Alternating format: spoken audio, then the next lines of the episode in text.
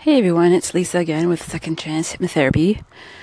Today I'm briefly going to d- discuss upon anxiety. That's a huge one. Lots of people suffer from anxiety. From social anxiety to agoraphobia. Phobias are also another form, or fears anxiety. Fear driving. Yeah, so when someone has a panic attack or has lots of anxiety, the root cause is actually not that that event currently in your life.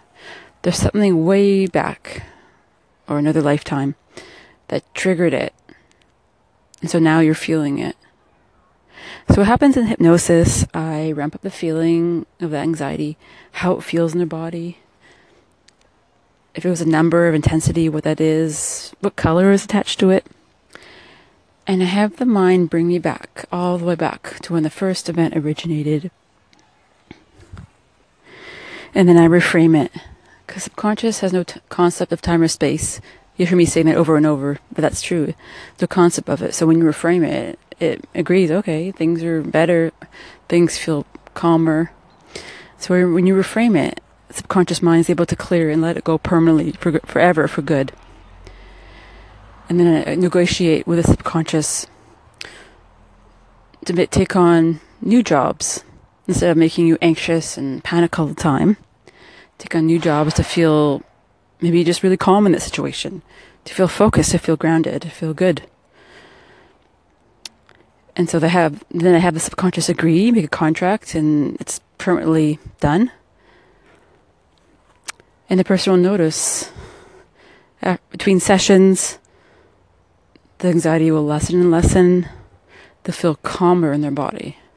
They'll feel aware they feel aware of the situation. Some things, you know, in life, if things are stressful, but they feel more control and more calm in their body. And it clears it amazingly well. So the person has clarity and calmness. I see it work time and time again. and I'm still amazed to this day how effective it is. It's natural. And it's so good for you.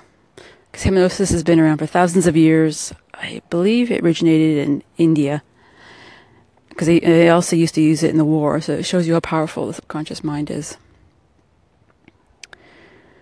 So if you have any questions, you can contact me on my website, Second Chance Transformation Hypnotherapy.com. And I'd love to answer any questions you have or if you want to book a program with me. All right, so that's some info about anxiety. All right, see you in the next podcast. Thank you. Bye.